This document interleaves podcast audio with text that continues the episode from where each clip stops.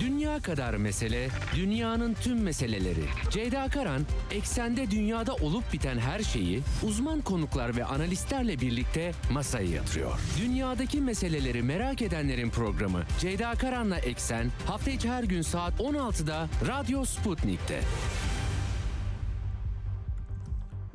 Eksenden merhabalar efendim. Bugün 14 Kasım 2022 günlerden pazartesi bir haftaya daha başlıyoruz. Ee, maalesef dün e, İstanbul'da Taksim'de bir terör saldırısıyla hepimiz sarsıldık. Hepimizin yakınlarının geçebileceği işlek İstanbul'un merkezi diyelim en e, önemli merkezlerinden birisi 6 vatandaşımız hayatını yitirdi. 81 yaralı e, yoğun bakımda olanlar var. E, tabii bilgiler geliyor. E, 46 kişi gözaltına alınmış ve e, bombalı saldırıyı gerçekleştirdiği söylenen Suriye uy- uyruklu Ahlam Elbeşir'in yakalandığı duyuruldu. Görüntüleri yayınlandı. Dünyadan taziye mesajları yağdı dört bir yandan.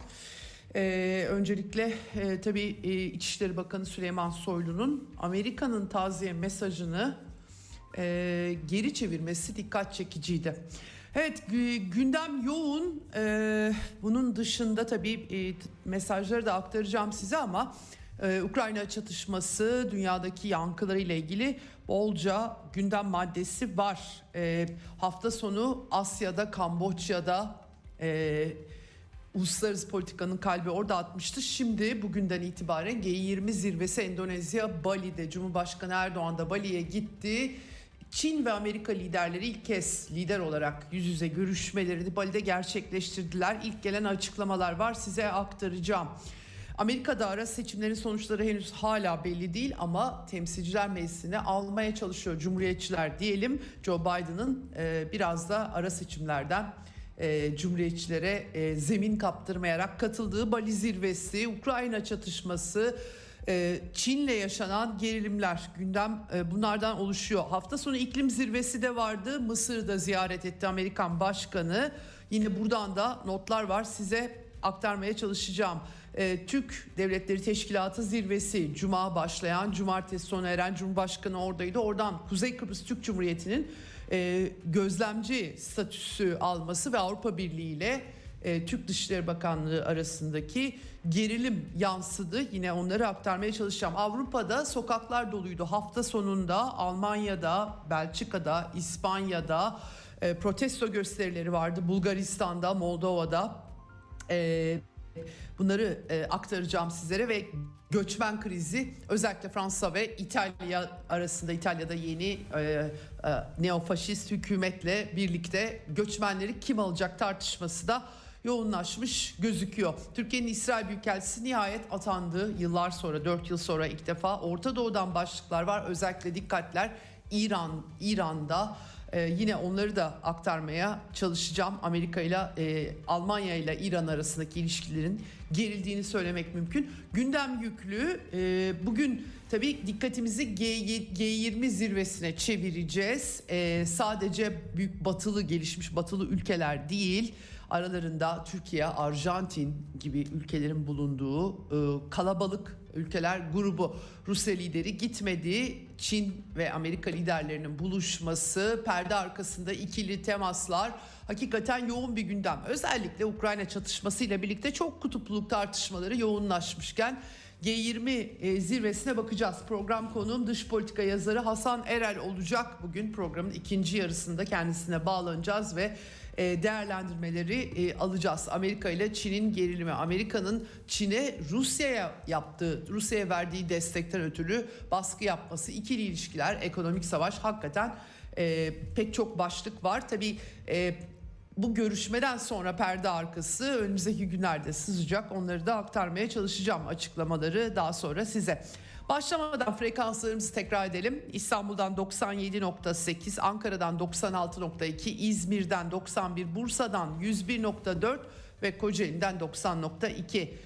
Karasal yayın frekanslarımız bunlar. Bunun dışında Sputnik Türkiye'nin web sitesinde kulaklığı tıklamanız bizi Türkiye'nin her yerinden dinlememiz için kafi. Telegram hesabının linkinde paylaştım. E, Radyo Sputnik'e katılmanız bizi her yerden dinlemeniz için en kolay yoldan yeterli olacaktır diyelim. Başlayalım eksene.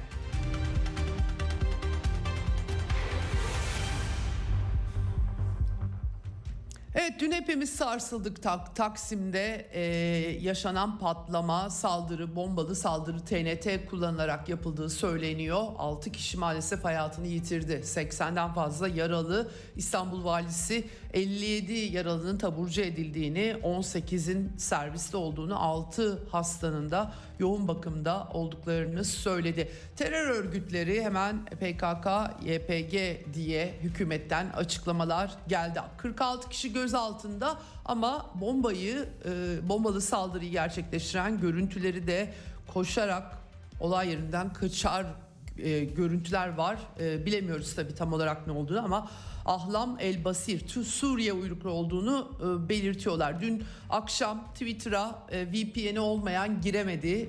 Çünkü e, Bilgi Teknolojileri Kurumu sosyal medyada bant daraltma uygulaması yaptı. Tabii bu da haberleşme özgürlüğü bağlamında sıkıntılı bir görüntü yarattı. Dünyanın dikkati tabii ki Türkiye'ye çevrildi. Taziyeler yağdı pek çok ülkeden. Ee, Yunanistan, Suudi Arabistan, NATO Genel Sekreteri, İtalya'nın yeni başbakanı, Britanya, Almanya, Belarus, Rusya hem Büyükelçiliği Taksim'de İstiklal Caddesi üzerinde hem e, Cumhurbaşkanı, Devlet Başkanı Vladimir Putin'in taziyesi vardı. E, pek çok dünyanın dört bir yanından Amerika aynı şekilde Beyaz Saray'dan açıklama yapıldı. Büyükelçilikten açıklama yapıldı. Çok dikkat çekici bir biçimde İçişleri Bakanı Süleyman Soylu ABD'nin taziyesini reddettiklerini duyurdu. Bu e, herkesin dikkatini çekti hakikaten katilin olay yerine ilk gelenlerden birisi olduğu gibi bir değerlendirmenin esas olduğunu düşünüyorum diye imalı bir ifadesi var. E, bunlara senatolarından para gönderen sözde müttefiklerimiz ifadelerini e, kullandı Süleyman Soylu.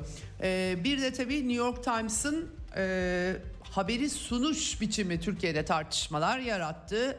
Hakikaten dikkat çekici olduğu belirtmek lazım. E, Taksim'deki patlamayı verirken her yıl dünyanın dört bir yanından Türkiye'yi ziyaret eden 10 milyonlarca turistin çoğu bombalamanın gerçekleştiği bölgede vakit geçiriyor dedi. Yani tabii bu bir haberin unsuru olabilir ama bu Times meydanında meydana gelse haber bu şekilde turistik yerde yapıldı diye sunulmaz. Bir ara başlık olabilir belki ama başlıklama büyük tepki çekti olayın kendisinin böyle önüne geçecek bir turizm merkezi olmasını neden başlıkta belirttiği. Hiç belirtmemek olmaz tabii ki ama genelde e, benim e, anladığım yani ara başlıkta verilebilecek bir hususu olayı sunarken vermesi tabii Türkiye'de kamuoyunda bayağı bir tepki e, topladı.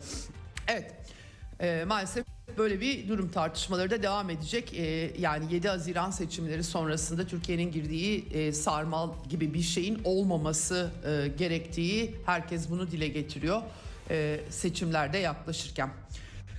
Evet Ukrayna çatışmasına e, dönelim. Ee, Ukrayna Devlet Başkanı Vladimir Zelenski Herson'u ziyaret etti. Rusya birliklerinin stratejik taktiksel çekilme e, yaptıkları e, kente diyelim. Ukrayna'nın güney cephesinde geçtiğimiz hafta çekilme kararı açıklanmıştı. Öncesinde aslında Ekim e, 18 Ekim'de e, yeni atanan komutan Suroviki'nin açıklamalarından geleceği belliydi. Önce siviller tahliye edilmişti. Şimdi Ukrayna ordusu da boşaltılmış zaten kente girdi. İşbirlikçi oldukları gerekçesiyle e, pek çok e, insanı öldürdüklerine dair görüntüler sosyal medyada başka yerlerde olduğu gibi yansıyor. Zelenski de Herson'da, Herson sokaklarında görüntüleri sosyal medyaya yansımış durumda. Bu arada tabii Nazi işaretleri yapan e, birileri de Herson'da ortaya çıktı. CNN ve Sky News televizyonlarının akreditasyonları iptal edilmiş. Bunları yayınladıkları için anladığım kadarıyla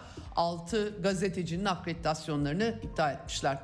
Enteresan bir resim. Ee, Pavlovka bölgesinde Rusya güçlerinin kontrolü Donetsk cephesinde ele aldıkları bu arada haberleri var. Ee, e, onu e, aktarayım. Yani cephelerde durum Herson dışında çatışmaların devam ettiği söylenebilir. Ukrayna'nın Herson şehrini alması sonrası Zaporojye bölgesinde yeni bir saldırı olur mu tartışmaları da devam ediyor.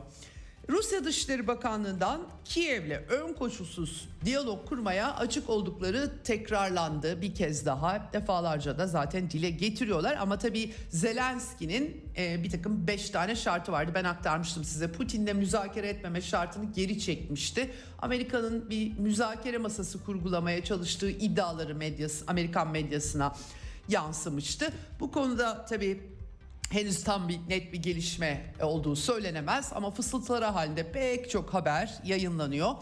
Ee, Rusya'nın e, Ukrayna'dan çekilmesi gibi şartların kabul edilemeyeceği referandumlar düzenlendiği e, bölgede e, Moskova tarafından açıklanıyor efendim. Bir de e, Kommersant gazetesinde son olarak e, Rusya ve Amerikan istihbarat temsilcilerinin Ankara'da buluştuğu iddiası ortaya atıldı. Hatta SVR Başkanı Sergey Narishkin'in de Ankara'ya geldiği iddia edildi. Bugün Kremlin sözcüsü Dimitri Peskov'a bu soru soruldu. Peskov da ne teyit edebilirim ne de tekzip edebilirim diye bir yanıt e, verdi. Kendisi e, aynı zamanda başka sorular da tabii her son e, şehri için sorular sorulduğunda Rusya Federasyonu'nun toprağı olduğu yanıtını verdi. Şimdi e, tabii e, Ukrayna Ulusal Güvenlik Servisinden çatışmaların durdurulmasının söz konusu olmadığı açıklaması gelmiş durumda. Her ne kadar müzakere masası kurulmaya çalışılıyor haberleri bu dönemde çok yoğunlaşmış gözükse de somut bir, bir, bir şey yok. En son bu konuda açıklamayı Ukrayna'nın Ulusal Güvenlik ve Savunma Konseyi Sekreteri Alexey Danilov'dan yapıldı çatışmaların durdurulması söz konusu değil diye. Ancak mesela İstanbul'da Mart ayında e, Ukrayna'nın yazılı metin de sunduğu müzakereleri yürüten e, David Arahamya e, bahar ikinci yarısında 2023'ün yeni müzakerelerin başlayabileceği yolunda açıklamalar e, yapmış Ukrayna'dan. Dikkat çekici e, bir şey tabii e, ona kadar gider mi o da e, ayrı bir yani bu arabulucuya kadar gider mi ayrı bir e, durum. Şu an daha çok savaş pozisyonu dikkat çekiyor. Avrupa Birliği e, dış politika şefi Joseph Borrell'ın yeni açıklamaları var. E, her son gelişmesi üzerine yapıyorlar tabii bu açıklamaları. 15 bin Ukrayna ordusu askerine rekor sürede eğitim vereceğiz, savaş alanında süreceğiz. Baş diplomatı e, bu açıklamaları yapmış vaziyette. Jake Sullivan Amerika'da bütün bu girişimlerin arkasında ismi geçiyor. Kiev'e gidip e, Zelenski ile görüştüğü için hani bir müzakere kotarılıyor mu diye.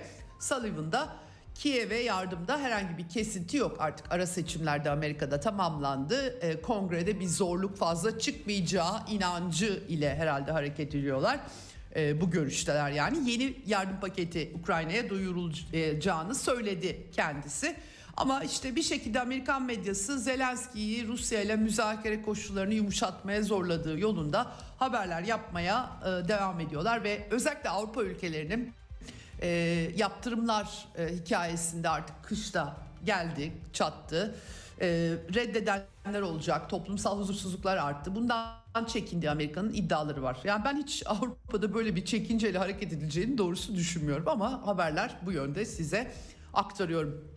Bir de Foreign Policy dergisi. Aslında Amerika'nın e, START anlaşmaları bu stratejik silahlarla ilgili e, geriye kalan Amerika hepsinden tek tek çekildiği için bütün silahsızlanma anlaşmalarından e, geriye kalan bir START anlaşması Biden yönetimi iş başına gelince dondurulmuştu en azından e, gizli hedefi e, müzakerelerle bu START anlaşmasını yapmak diye bir iddiada bulunmuş. Tabi e, bu işin sadece herhalde bir boyutu olabilir. Kaldı ki START anlaşmasını görüşme konusu iki taraf tarafından da dile getiriliyor. Ukrayna'dan bağımsız olarak bunu e, bunun altını çizmek lazım. E, bir de müzakereler için Papa, Katolik aleminin ruhani lideri Papa Francesco'nun da ismi geçiyor biliyorsunuz. O da pazar ayininde Dostoyevski'nin Karamazov Kardeşler romanından atıfla barışın mümkün olduğu mesajı e, vermiş. Tabi Dostoyevski Hristiyanların ilham kaynağı olarak görülen bir yazar. Ukrayna Rus kültürüyle ilgili her şeyi kazıyan, silen bir görünüm sergilediği için e, bu tarz mesajlar pek hoşlarına onların gitmiyor diyebiliriz genel olarak.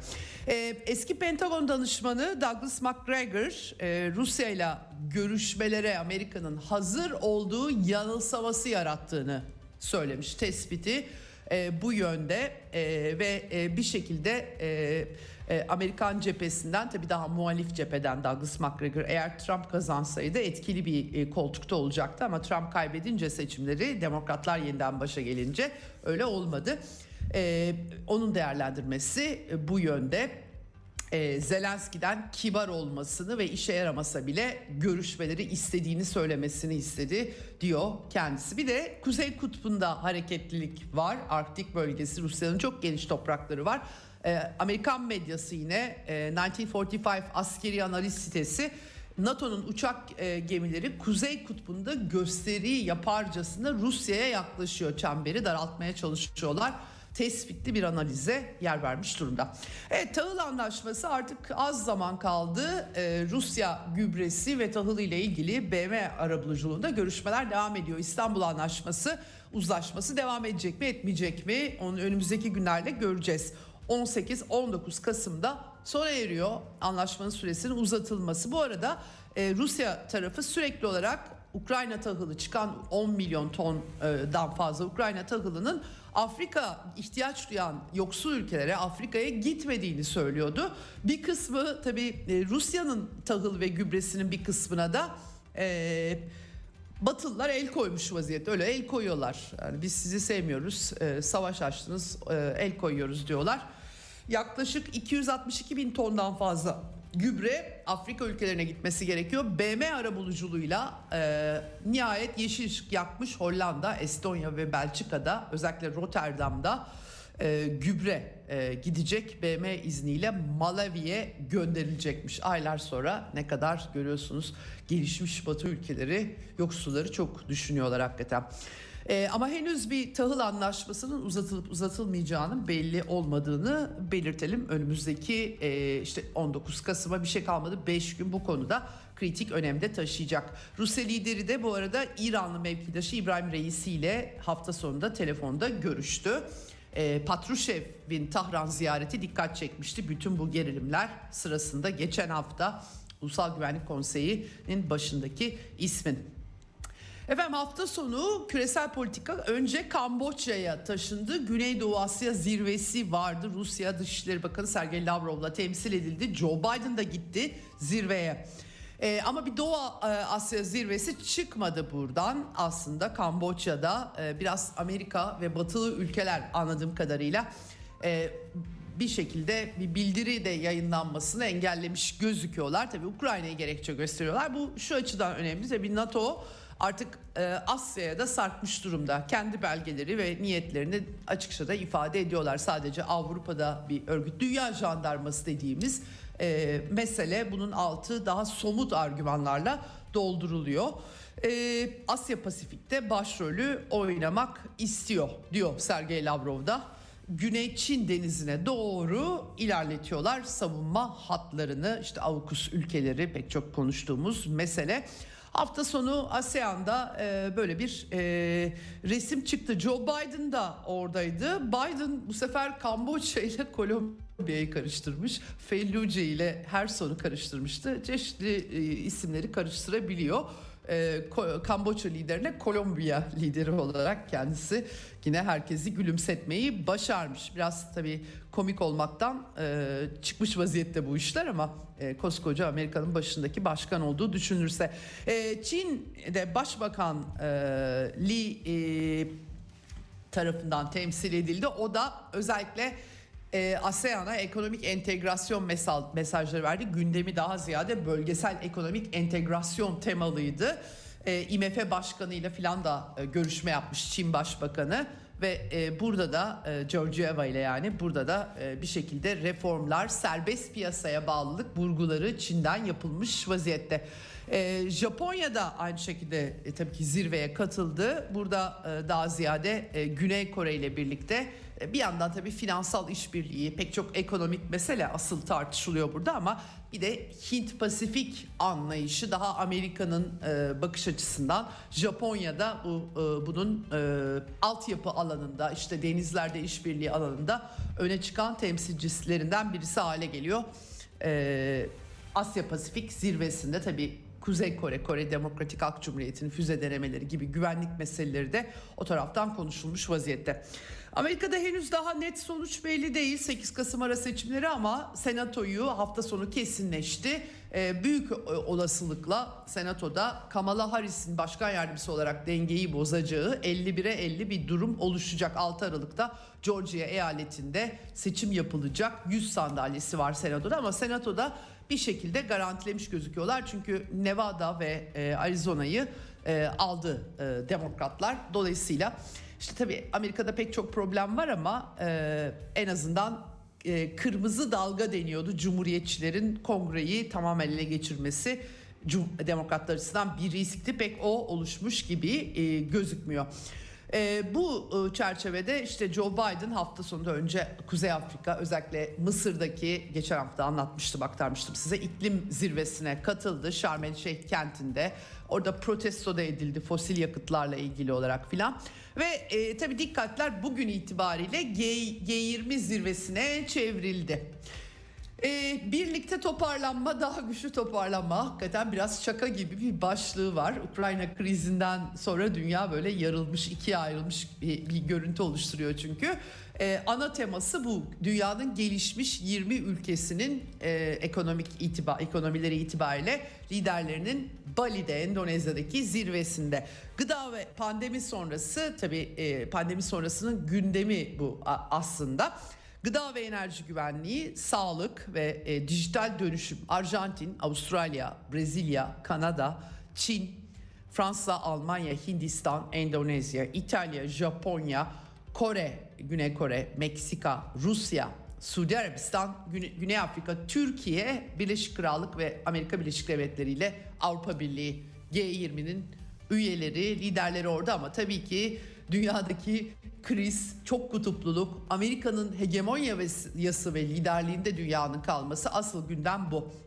Rusya'yı e, Putin git Putin gitmeme kararı almıştı çeşitli gerekçelerle. E, bu, bu gerekçeleri de öz olarak belirtme gereği hissedilmiyor. Dimitri Peskov e, Rusya'da bulunması gerektiğini açıkladı bu konuda sorular üzerine. Sergey Lavrov temsil ediyor. Hafta sonu Bali'ye ulaştı. Kendisi kırmızı halıyla karşılandı. Enteresan Joe Biden'a kırmızı halı serilmemiş bilemiyorum neden. E, fakat tabii Lavrov'un bir kalp krizi geçirdiği iddiaları, hastaneye kaldırıldığı iddiaları düştü.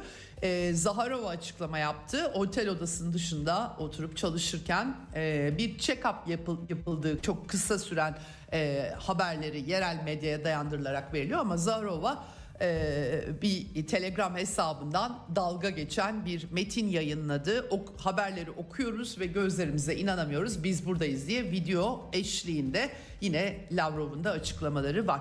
Şimdi bu 20 ülkeden 9'u yani yarısı Rusya ile dost ülkeler ya da tarafsız duran ülkeler. G20 zirvesine baktığım zaman kabaca kaba taslak ilk resim bu şekilde.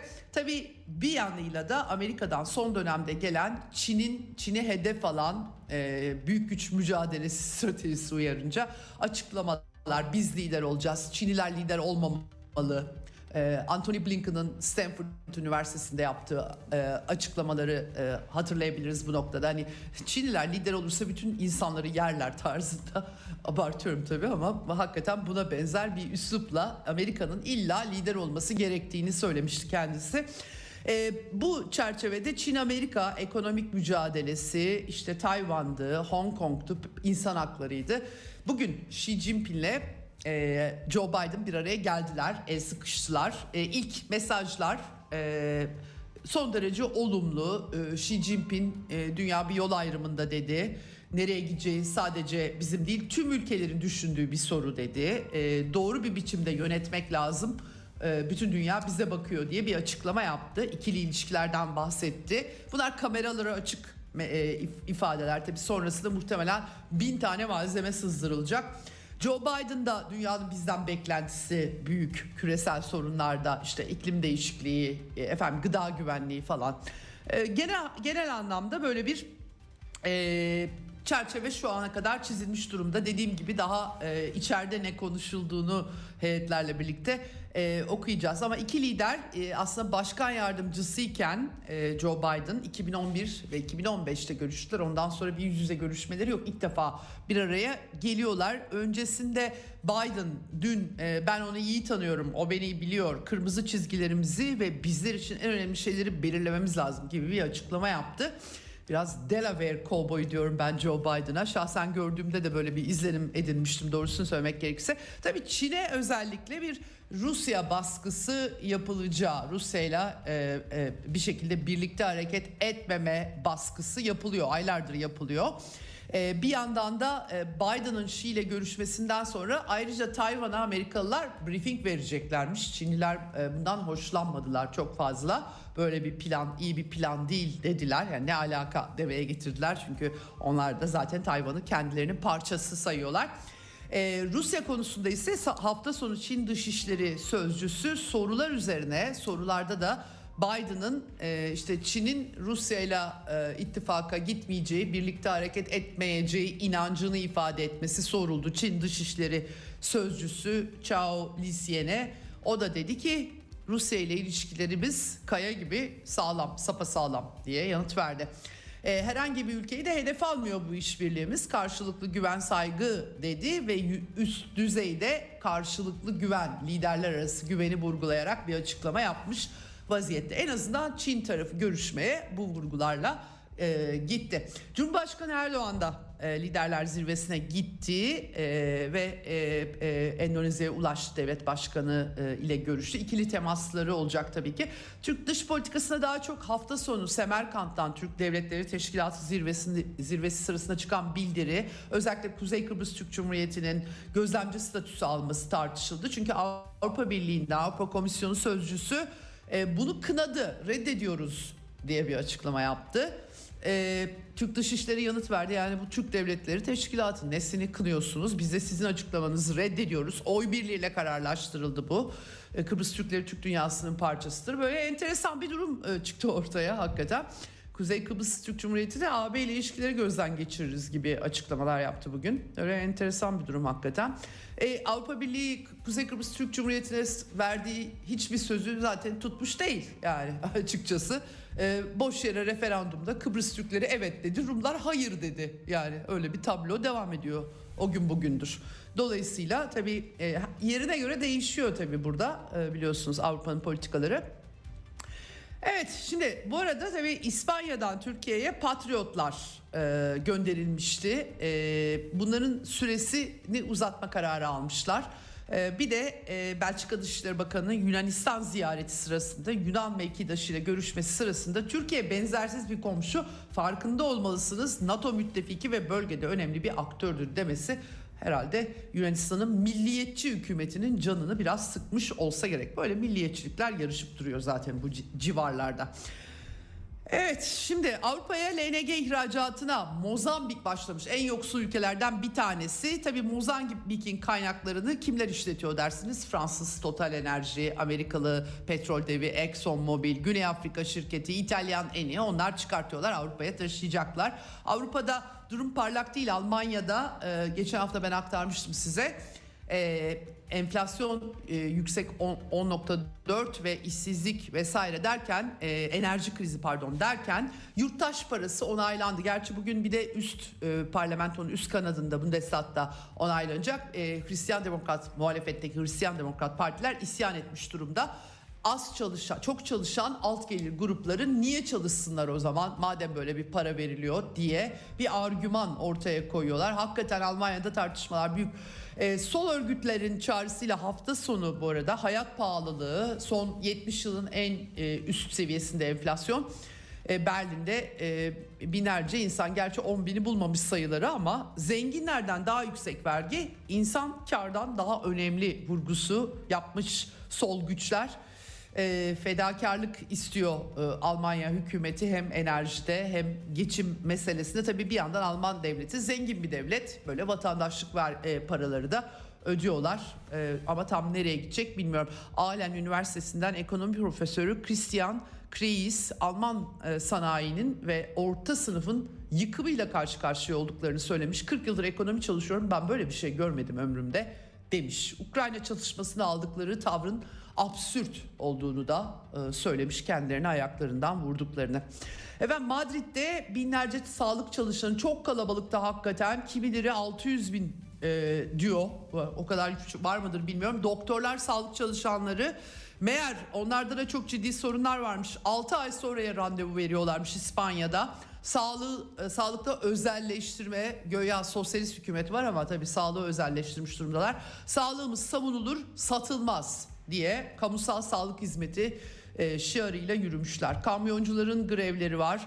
Arnavutluk'ta binlerce Arnavut artan fiyatlar, yaşam koşulları, Edirama hükümetinin istifası talebiyle yürümüş. Bulgaristan'da aynı şekilde farklı mesleklerden hafta sonu sokaklardaydı. Moldova'da e, 60 bin kişi kişinin evde gösteri yaptı. Böyle bir e, Avrupa e, tablosu var. E, it, İtalya ile Fransa'da yasa dışı göç meselesinde kapıştılar. Bir anlaşma yapmaya çalışıyorlar ama e, özellikle son 3-4 e, sivil toplum kuruluşu gemisi İtalya'nın yeni hükümeti Giorgia Meloni bu gemilerdeki göçmenleri almak istemedi. Onlar da diyorlar ki Avrupalara anlaşma yaptık siz payınıza düşen sığınmacıları almıyorsunuz. Fransa e, İtalya'yı eleştiriyor. Aralarındaki anlaşmayı dondurdu. Bir kapışmadır. Gitti yine göçmenler e, üzerinden. Evet Avrupa'da durum bu. Şimdi Orta Doğu'ya ge- geçmeden önce e, hemen e, sıcak sıcak e, G20 e, ve e, küresel durumu değerlendirmek istiyorum. O yüzden konuma bağlanacağım şimdi. Hasan Erel e, gazeteci yazar, dış politika yazarı. Hoş geldiniz yayınımıza. Hoş bulduk Ceyhan Erkaran nasılsınız? Çok teşekkür ediyorum. Ee, böyle e, çok e, hareketli bir hafta sonuydu. Maalesef Taksim'den gelen haberlerle hepimiz çok sarsıldık. Ee, ama Evet, tabii gerçekten. mecburen işimiz dünyada ne olup bitiyor e, anlamaya çalışıyoruz. O yüzden de devam ettiriyoruz tabii ki yayınları. Şimdi hafta sonu bir Asya toplantısı vardı. Orada bir mini zirvecik gibi bir durum oluştu ama çok böyle şovlar oldu daha ziyade. E, taraflar kendi pozisyonlarını sergilediler. Asıl bugün G20 zirvesi beklenen zirve diyelim. E, daha doğrusu yarın başlıyor aslında ama liderler gitti ve e, tabii herkesin dikkatleri Çin lideriyle Amerikan liderinin görüşmesine çevrildi. E, öncesindeki dosyayla beraber baktığımızda bu görüşme önemli mi? Öncelikle onu sorayım. Yani ilk görüşmeleri Çin ve Amerikan liderlerinin. Tabii Çin'e Rusya konusunda baskı var. Tayvan var. Ee, Çinliler de hiç e, ödün de vermiyor görünümündeler. Ee, önemli mi bu görüşme? Bir şeyleri değiştirebilir mi? Önce onu sorayım. Ben hiç zannetmiyorum bir şeyleri değiştireceğini ama önemli tabii. Yani e, sadece iki kere telefonla konuşmuşlardı. Şimdi ilk defa yüz yüze görüştüler. Ee, yani daha çok e, diplomatik bir görüşme diyebiliriz. Stratejik sonuçları olacağını ya da jeopolitik sonuçları olacağını zannetmiyorum. Çünkü yani tarafların pozisyonları belli. Yani gerçi Biden böyle umutsuzca Blinken ve Sullivan e, neokon ekibinden aldığı bilgilerle e, yani e, tırnak içinde bilgilerle işte Çin'in e, aslında Rusya'ya güvenmediği gibi bir e, açıklama yapmıştı bu görüşme öncesi. Ee, ama bu yani daha önce Putin'le de görüştüğümde geçen yıl Haziran ayında e, o, o görüşme sonrasında da işte Rusya'nın e, Çin sınırından işte göçmen istilasıyla yüz yüze olduğunu Çin'i yani Rusya'nın Çin'e güvenmemesi gerektiğini söylemişti. Şimdi Çin'in Rusya'ya güvenmemesi gerektiğini söyledi. Görüşmeden önce ama yani artık bence ge- genel böl yönet taktiği, böl yönet taktiği Evet, gibi yani, bir şey. e, ama şimdi 70'lerdeki Kissinger diplomasiyle kıyaslandığında çok amatör kalıyor bana göre. Çünkü o zaman gerçekten kibirli bir Sovyetler Birliği ve e, daha yeni gelişen bir komünist Çin vardı. Bunların aralarında bir rekabet vardı. O rekabet e, ya da işte sürtüşmeler vardı sınırdan kaynaklı. E, içe kapanık ülkelerdi daha çok. Bunlar o zaman e, iki komünist ülke savaşmıştı bile sınır anlaşmazlığı yüzünden. O anlaşmazlıkları akıllıca kullandı Nixon'ın e, ekibi yani Kissinger Dışişleri Bakanı olarak. İşte meşhur o ping-pong diplomasisiyle Çin'i yanlarına Evet. çekmeyi başardılar o zaman. Ama bugün artık öyle bir dünya yok.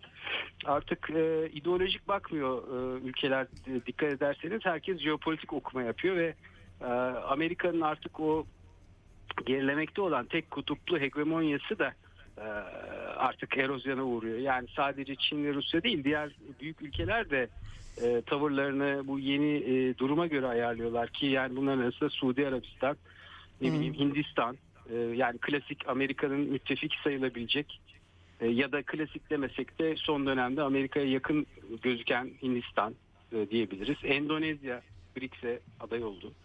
BRICS'e girmek istiyor. E, yani bunlar şimdi e, Asya So- Suudiler de girmek istiyorlar. Suudiler girmek istiyor. Hatta Türkiye girmek istiyor. Çin. Dışişleri Bakanlığı'na göre Türkiye de varmış. Efendim Evet. Senegal girmek istiyor. Meksika girmek istiyor. Arjantin e, sanırım girmek istiyor. Yani dünyadaki büyük orta ölçekli ülkelere bakıyorsunuz. Amerikan e, hegemonyasından e, çok kutupluluğa doğru bir e, eğilim içindeler. E, bu da herkes açısından çok mantıklı. Çünkü artık dünyayı tek başına bir ülkenin yönetmesi, bütün denizlere hakim olan eski İngiliz İmparatorluğu gibi bir Amerikan İmparatorluğu, işte Asya'yı tamamen karaya hapsedebilecek bir e, Amerikan İmparatorluğu yok. Dünyada tamam en büyük silah harcaması yapan Amerika olabilir ama karşısında artık daha e, derli toplu, daha güçlenen, gelişen ülkeler var. En başta da Çin. Şimdi tabii Xi Jinping'le görüşme bu çerçevede oldu ve e, dediğim gibi yani Çin'in Rusya ile olan e, ilişkisi şu anda e, sanırım Xi Jinping bunu demişti yılbaşında mı demişti bir, bir açıklamasında dedi ki e, Çin'le Rusya ilişkileri e, ittifakın çok ötesindedir dedi. Yani bu Hı hı, ne demek? evet. Çok yani sağlam bir e, dayanışma içindeyiz demek ki zaten işte Ukrayna ile Tayvan paralelliğini gördüğümüz zaman bu ortaya çıkıyor. İşte Valday toplansa Putin ne demişti? İşte Amerika'nın yaptığı yani ben anlamıyorum bir mantığı yok dedi. Çünkü yani Tayvan'ı böyle provoke etmeleri biz biz varken bizle uğraşırken aynı anda Tayvan'ı provoke etmeleri hani akıl ve mantığa da sığmıyor. Yani iki, iki tane Evet herkesin inanamadığı o zaten. Yani e, insanlar, analistler e, yani bu büyük güç stratejisi e, aslında Joe Biden iktidara geldiği zaman da bunu çok açıkça da ifade etmişlerdi. Hatta Çinlilerle Alaska'daki ilk görüşme aklıma düşüyor benim hemen. E, böyle üstten bakarak e, konuşmuşlardı ve Çin'in Evet, de tepkisi Putin çok sert söyledi. olmuştu değil mi? E, ama yani bunda ısrarlar sanki yani. dedi. Evet evet. Ya Putin onu söyledi Valdayla. Bu dedi hani mantıkla açıklanamaz. Bu büyük büyük bir kibrin ve boş bir kibrin sonucudur dedi. Yani gerçekten hani biraz e, okuma yapan bir insan e, bu durumun saçmalığını görür. Yani eskiden akıllı insanlar vardı Amerika'da. Kissinger gibi işte Brzezinski gibi böyle jeopolitik e, strateji Evet. üretebilecek e, böl ve yönet taktiğini yani o meşhur Roma İmparatorluğundan beri divide et impera e, anlayışını, felsefesini hakkıyla yürütebilecek insanlar var. Çünkü bir baktığınız zaman Amerika'nın bütün yaptıkları karşı tarafı e, güçlendiriyor ya da bir araya getiriyor. Baktığınız zaman hiç alakası olmayan ülkeler e, bir araya geliyorlar Amerika'ya karşı yani do- doğrudan olmasa da dolaylı şekilde bir e, savunma cephesi bir e, nasıl desem bir siklet merkezi oluşturuyorlar. Mesela Rusya'nın bu yaptığı harekat e, Ukrayna'daki olay bugün NATO ile Rusya savaşına dönüştü. E, bu Rusya şimdi tabii zorluyor ama bir taraftan da e, diğer ülkeler e, burada artık hani Rusya ve Çin'i böyle daha bir e, kendilerine e, dayanak noktası olarak görüyor. Yani birileri demek ki meydan okuyabiliyormuş diyorlar. E, Şimdi bu e, baktığınız zaman Avrupa'yı yani NATO üyesi olan ülkeleri de e, bir şekilde dolaylı olarak etkiliyor. İç kamuoyları açısından yani biz ne yapıyoruz hani kimin adına yapıyoruz bunları gibi bir sorgulama da başladı. Avrupa'da biliyorsunuz yani gösteriler, protestolar e, gırla gidiyor yani bu pek Batı medyasında gö- gösterilmese de e, Evet. bir rahatsızlık var. Yani Amerika'daki ara seçimleri e, belki tamam beklenen olmadı hani kırmızı devrim olmadı diye görünüyor. Tabii orada hile tartışmaları da fazlasıyla sürüyor. Evet. Ee, ama yani bu demek değildir ki Amerika ya da Biden yönetimi e, derli toplu bir halde e, bu e, politikalarından vazgeçecekler. E, bilemiyorum ama tabii bazı işaretler de yok değil. E, bu özellikle her son e, çekilmesi e, üç olasılığı e, akla getirmişti. Yani bir, birincisi işte Rusya NATO karşısında yenildi ve geriliyor. İkincisi Rusya bir e, tuzak e, ya da bir taktik e, kuruyor. E, üçüncüsü de e, işte Rusya e, üç, Minsk 3 görüşmeleri için e, bir yer yapıyor, bir e, alan yaratıyor demişti. Ee, Valla bana göre üçü de doğru. Yani üçü, üçü de geçerli olabilir. Çünkü gerçekten yani NATO'nun, Amerika'nın verdiği silahlar Rusya'yı zorlamaya başladı. Ama bu, şu, bu, bu şu demek değil. Yani Rusya her sonu bırakacak da işte Kırım'ı da verecek de 2014'ten de geriye gidecek ve bunu e, kabul edecek ya da kamuoyuna kabul edecek. Böyle bir olasılık olmadığına göre e, yani bu yenilgi tablosu çok gerçekçi değil. E, e, tuzak olma ihtimali var mı? Var. Çünkü kış geliyor. Ona göre bir takım e, yeni e, taktiksel e, şeyler var, planlamalar var belli ki. Özellikle Polonya sınırından falan. E, Üçüncüsü de şimdi e, ilginç şeyler oluyor. Sullivan'la Patrushev'in görüştüğü söyleniyor. Narishkin e, dış istihbarat şeyi e, başkanı Rusya'nın Ankara'da olduğu söyleniyor. İşte bir takım e, hani e, bu görüşmeler için, pazarlıklar için e, bir takım altyapı da yapılıyor olabilir. E, şey Sullivan daha önce gitti Zelenski'ye. Zelenski'yi kimse kale almıyor zaten ona direkt dikte ettiriyorlar. Evet. Bu, bu belki hani Xi Jinping'le e, Biden görüşmesinde de böyle bir takım şeyler hani aracılık şeklinde olmuş olur. Çünkü Putin gelmedi e, şeye. G20'ye gelmedi. Lav- Ama bir de bir de şu var yani mesela ben Amerikan medyasında falan açıkça da görüyorum e, böyle şey altında da e, cümle altlarında cümle aralarında da var. E, e, e, böyle bir Amerika hani öyle büyük bir e, güç ve öyle kibirli bir güç ki yani biz Rusya'yı deneme tahtası yapıyoruz. Oradan sonra Çin'e atlama muhabbeti. Şimdi bu görüşme o açıdan da önemli nihayetinde. Yani e, Lavrov'un herhalde daha bir gelişmekte olan ülkelere mesajları öne çıkacak ama Çinliler de e, e, bu bütün bu tartışmalarla ilgili onlar da pek e, üzerlerine alınmıyorlardı eskiden çok yanıt vermiyorlardı. Fakat şimdi işte e, kaya gibi sağlam dedi mesela Çin Dışişleri Sözcüsü Rusya ilişkileri. Bu sefer daha net konuşuyorlar gibi. Böyle bir e, bundan sonra bir başka Çin'le gerilim çıkar mı diye soracağım. Çünkü Suudi Arabistan'ı ziyareti gündemde Xi Jinping'in. Yani bir böyle bir e, ekonomik anlamda da Amerika'nın çizdiği neoliberal düzeni bir sanki zorlama gibi bir şey var. Yani Rusya ve Ukrayna'nın ötesinde bir e, içinden geçtiğimiz süreçle e, alakalı ve bu süreçteki Çin'in rolü. Şimdi Stanford Üniversitesi'nde Blinken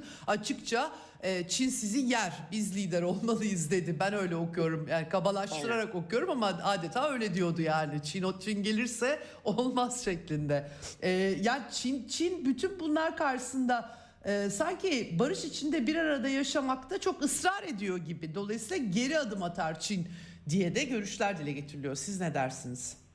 Valla kuşkusuz Tayvan'daki Pelosi ziyaretinde herkes Çin'in bir bir müdahalede bulunacağını bekliyordu ama yapmadı bunu. Çünkü e, yani stratejik olarak çatışmayı geciktirmekten kazanacak olan taraf Çin. Çatışmayı erkene çekmekten kazanacak olan taraf Amerika gibi gözüküyor. Fakat Amerika'nın tabii şimdi stratejisi ya da e, nasıl diyeyim felsefesi e, o kadar e, şey ki e, dayanaktan yoksun ki yani tek başına hala dünyayı yönetebilecek olma iddiası artık gerçekçi değil. Yani tek kutuplu bir dünya kalmadı ve işte e, dediğiniz gibi yani biz gelme biz olmazsak Çin tek kutuplu bir dünya kurar e, iddiası da hiç inandırıcı değil. Yani artık böyle bir dünya olmayacağı belli. Çin zaten bunu her seferinde söylüyor ve yani şimdiye kadar bir tane askeri üssü var dünyada Cibuti'de sanırım. Onun dışında Amerika'nın 800'den fazla üssü var. Evet, evet. Japonya'da 120 tane varmış yani yeni okudum. Almanya'da öyle. Yani şimdi bütün dünyayı Amerika gittikten sonra tek başına Çin'in böyle tek başına yönetebilecek bir iddiası kesinlikle yok ve bunu satın alacak kimse de yok. Yani Amerika'nın bu iddiaları o kadar e, şey ki saçma ki e, Blinken'ın yani neokon Blinken'ın. O yüzden artık Çin'e doğru ya da işte e, çok kutuplu dünya diyelim oraya doğru bir eğilim var. Şimdi G20'deki ülkelere baktığınız zaman e, pek çoğu BRICS'e üye olmak istiyor ya da üyesi zaten. Yani büyük ülkeler zaten işte Brezilya, Hindistan, Güney Afrika, Çin, Rusya e, ve şimdi işte sırada Arjantin var, e, Suudi Evet. Arabistan var. İşte saydık da başında da konuştuk. E şimdi bu Evet. ne demek? Yani demek ki dünyanın geri kalanı batıya karşı bir denge arayışı içinde. E, Bu, bunun içinde tabii ki o dolar hegemonyası da giriyor. İşte e, ne bileyim e, uluslararası kurumların e, batı e, odaklı eksenli yapısı sorgulanıyor. Başta Birleşmiş Milletler, IMF gibi ne bileyim Evet. Bretton Woods zamanı 2. Dünya Savaşı sonrası oluşturulan Soğuk Savaş başında oluşturulan Batı merkezli o e, küresel yapı e, çözülüyor. E şimdi bunu artık yani inkar etmek pek mümkün değil. Biz bunu ben bunu 90'lı yıllarda söylediğim zaman millet bana gülüyordu. Ya sen hayal kuruyorsun diye. Bugün buraya geldik. Yani Hı hı. e, e, insanlar Brüksel'den başka bir şey konuşmazken biz bunları söylüyorduk. E şimdi görüyoruz Brüksel'in halini yani Amerika'nın e, bir şeyi vasal e, organı haline dönüyor. Evet hafta sonu ben de e, enteresan bir biçimde e, bu e, çevirileriyle tanıdığımız Rusya'yı anlamamıza çok katkı yapan Hazal Yalın'da gördüm. E, a- şey e, Catherine Colonna Fransa'nın Dışişleri Bakanı e, eğer Avrupalılar her Amerikan seçiminde gerilim istemiyorlarsa daha çok özelliğe giden yolu bulmalılar demiş Amerika'dan özellik hani Özellik. şu an öz hani özellik istiyorlarsa şu anki hallerini nasıl görüyorlar diye Yani aklıma yani düştü. bağımsızlık bile bağımsızlık bile isteyemiyorlar da özellik Evet. istiyorlar. Evet, orada yani evet. şey ne diyorlar Freudian slip mi olmuş orada böyle bir şey olmuş Evet, herhalde. bir, bir, bir Ama Fransa'dan ben umutluyum. Fransızlar her zaman bir devrimci şeyleri vardır yani. Hmm. İngilizlerden daha farklıdır Fransızlar. O yüzden Hmm. onların şeyleri hoşuma gidiyor. Ee, Evet. Ya ama dediğim gibi e, artık bundan sonra e, yani Çin'le Rusya'yı ayırıp işte e, önce Rusya'yı halledip ondan sonra Çin'e çöküp falan Amerika'nın e, ne bileyim e, yani Almanya, Japonya işte diğer ülkeleri de böyle e, asker gibi e, cepheye sürebilecek falan e, bir şey yok.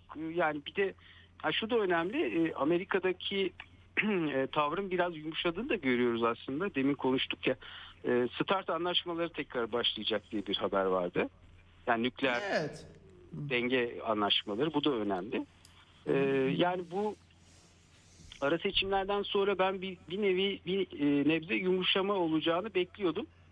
E, ama tabii ara seçimleri hani Trump yanlılarının kazanacağı e, üzerine bir senaryoydu bu. Şimdi Evet. ara seçimleri Trump yanları e, kazanmış sayılmıyor. E, bakalım bu yumuşama Evet. Amerika açısından yani bu Minsk 3 görüşmeleri işte Çin'le belki ticaret e, üzerinden yeni bir e, işbirliği ya da yeni bir çalışma ortamı e, anlaşması olur mu? Yani bunlar da mümkün. Şimdi Xi Jinping'le Biden'ın görüşmesi e, bir şey değiştirmez dedik ama belki hani e, belli şeyler ekonomik açıdan dünyada Evet. sıkıntı e, noktası olan e, kriz noktası olan şeyler üzerinde Evet, bazı onları e, göreceğiz. Mesela çip çip konuları hani bu çip krizi yaşanıyor ya Tayvan'daki fabrika Evet, diğer evet. Çin'e yapılan yaptırımlar yüzünden.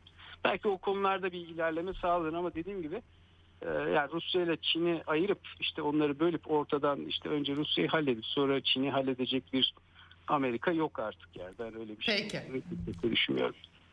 Çok teşekkür ediyorum değerlendirme için. Biraz da hepimiz göreceğiz tabii. Farklı görüşler var elbette. Bu olur, bu olur diye. Ee, görüşü doğru çıkmaya yanıldım diyecek. Yapacak bir şey yok. Çok teşekkürler. Sağ olun. Sağ olun iyi yayınlar. Evet, e, dış politika yazarı Hasan Erel'e e, izlenimlerini ve genel değerlendirmelerini e, sorduk. Efendim şimdi birkaç başlık daha aktarıp bitireceğim. Özellikle Orta Doğu'dan Türkiye'nin İsrail Büyükelçiliğine Şakir Özkan torunlar atandı. Zaten ismi ortaya çıkmıştı. 4 yıl sonra ilk defa Büyükelçimiz olacak. Türkiye'nin Büyükelçisi olacak bir kariyer diplomatı. Çok tartışmalar olmuştu İsrail'de hükümeti kurma görevini Netanyahu aldı. Yeniden Netanyahu Bibi dönemi e, lakabıyla başlamış oldu. Cumhurbaşkanı Isaac Herzog e, görevi verdi meclisteki danışmaların ardından aşırı sağcı, çok aşırı sağcı bir hükümet mi kuracak, ne değişecek? Bunlara yarın bak- bakacağım. E, e, Amerika e, İran'a özellikle kadın devrimi üzerinden bir başlık açmıştı İran'la ilgili olarak. Protesto gösterileri tabii kadınların giyim kuşamlarıyla başladı ama onu aşmış gözüküyor. Etnik bir çatışmaya dönüşme riskinden bahsediliyor. Bir yandan e, İran'da yargıya çağrılar yapıldı. Etrafı yakıp yıkan ate, e, karakolları ateşe veren çok sayıda e, sivil de hayatını yitirmiş durumda. Aynı zamanda güvenlik güçlerinden ölenler de var. Bunun üzerine böyle bir hakikaten iç savaş senaryosu mu diye bir soru sorduruyor. E, insanın aklına böyle şeyler düşüyor. E, ya da bir hibrit dediğimiz hikaye her türlü unsur var tabii ki. Ee, ilk kez bir göstericiye idam cezası verilmiş Tahran'daki mahkeme vermiş. Devrim mahkemesi 5 kişiye de 5 ila 10 yıl hapis cezası vermiş. Devlet kurumlarını kundaklama, kamu düzeni huzurunu bozma, ulusal güvenliğe karşı açık ve gizli faaliyet diye kamu malına zarar diye e, gerekçelendirmişler bunu. Tabii bunun sayılarının artmasından endişe ediliyor. İran'da idam cezası Amerika'daki gibi rahatlıkla uygulanabiliyor. Tabii ki bu başka bir e, Amerika'daki gibi cez, e, bireysel suçlar, suçlar yüzünden değil daha politik bir şeye e, bürünüyor bu. E, BM'den çağrı geldi. E, ölüm cezasını protestoları bastırmak için kullanmayın diye e, 16 insan hakları uzmanı Tahran'a e, çağrıda bulundu. Almanya ile tam bir kapışma halinde İran e, Dışişleri Bakanı Baerbock Amerika'nın renkli devrim girişimlerini Almanya'nın açıktan sırtlandığı bir resim çizdi açıkçası ama Olaf Scholz da e, İran'a siz nasıl bir hükümetsiniz ki kendi vatandaşınıza ateş ediyorsunuz diye çıkıştı. E, çok dikkat çekici. E, Ukrayna Kiev'deki yönetim Don- Donetsk'i bombalarken hiç gıkı çıkmamıştı Olaf Scholz'un. Seçerek çeşitli hükümetleri kendince bu şekilde e, eleştirebiliyor tabii ki. İran'da ayrıca mesele kıyafet yönetmeliği değil de demiş Olaf Scholz. İran'da daha fazla özgürlük ve adalet için herkes sokakta diye bir açıklama e, yapmış vaziyette. Böyle bir resim var. Ve son olarak Amerika'da e, bir istihbarat raporu Ulusal İstihbarat Konseyi açıklamış. Birleşik Arap Emirlikleri casusluk düzeyinde taktiklerle Amerikan dış politikasına müdahale ediyormuş efendim. Washington Post yayınlamış gizli raporu. Ee, hem yasal hem yasa dışı taktiklerle lobiler üzerinden etkinlik kuruyorlar. Yani pes diyeceğim var. Bu Amerika'nın zaten sistemi böyle. Kendi kurdukları sistemi başkaları kullanınca e, bunu casuslukla eşdeğer taktikler olarak görebiliyorlar. Hakikaten e, Birleşik Arap Emirlikleri Büyükelçisi Yusuf El Uteybe de demiş ki zor kazandık biz bu lobicilik hakkımızı hak ettik. Etkili diplomasi yürüttük demiş. Komik hakikaten ama böyle bir resim. Evet e, eksenden bu kadar. Yarın görüşmek üzere. Hoşçakalın. Ceyda Karan'la Eksen sona erdi.